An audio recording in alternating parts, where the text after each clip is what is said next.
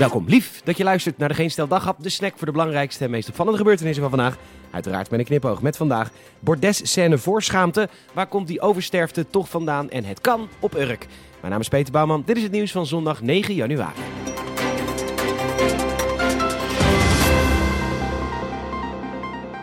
God, wat lullig. Bij de NOS vandaag een voorbereidend verslag op de bordes-scène van morgen. En wat blijkt nou? De mannelijke bewindspersonen dragen een jacket bij de beëdiging en een tenue de ville op het bordes. Dus die, die mannen die moeten na de beëdiging in een zaaltje zich omkleden. Dus dan staan Rutte en Hoekstra en de jongen daar in een onderbroek. Laatst genoemde staat ze maskeloris uit de Hannessen.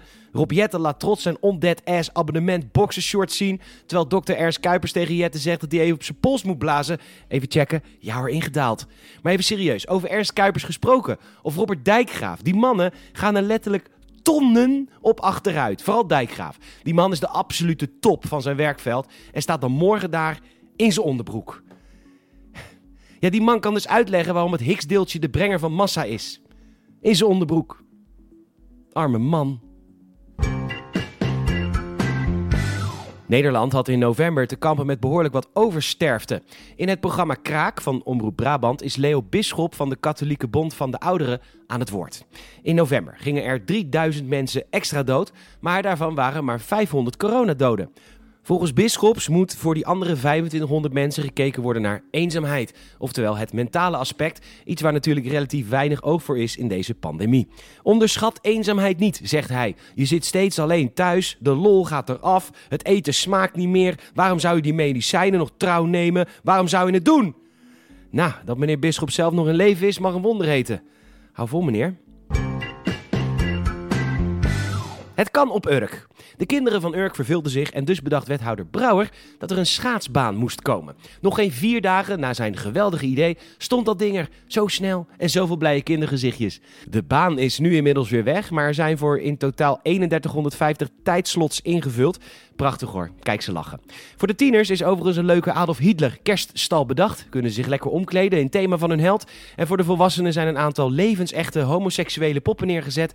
waar ze met honkbalknuppels lekker mee kunnen ravotten. Naar Amsterdams model. Het kan, alleen op Urk.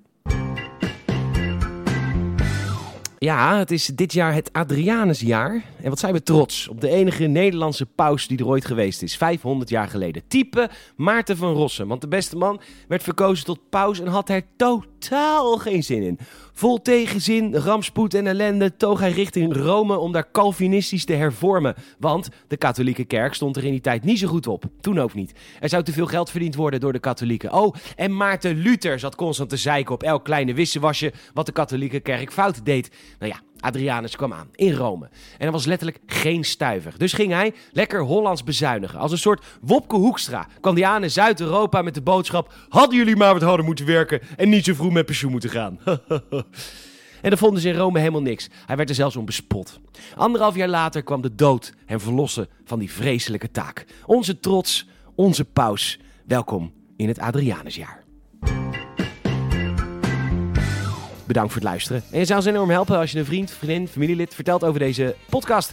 Je kan ons ook raten via Apple Podcasts en Spotify. Je kan ons volgen via vriendvandeshow.nl. Nogmaals bedankt voor het luisteren en tot morgen.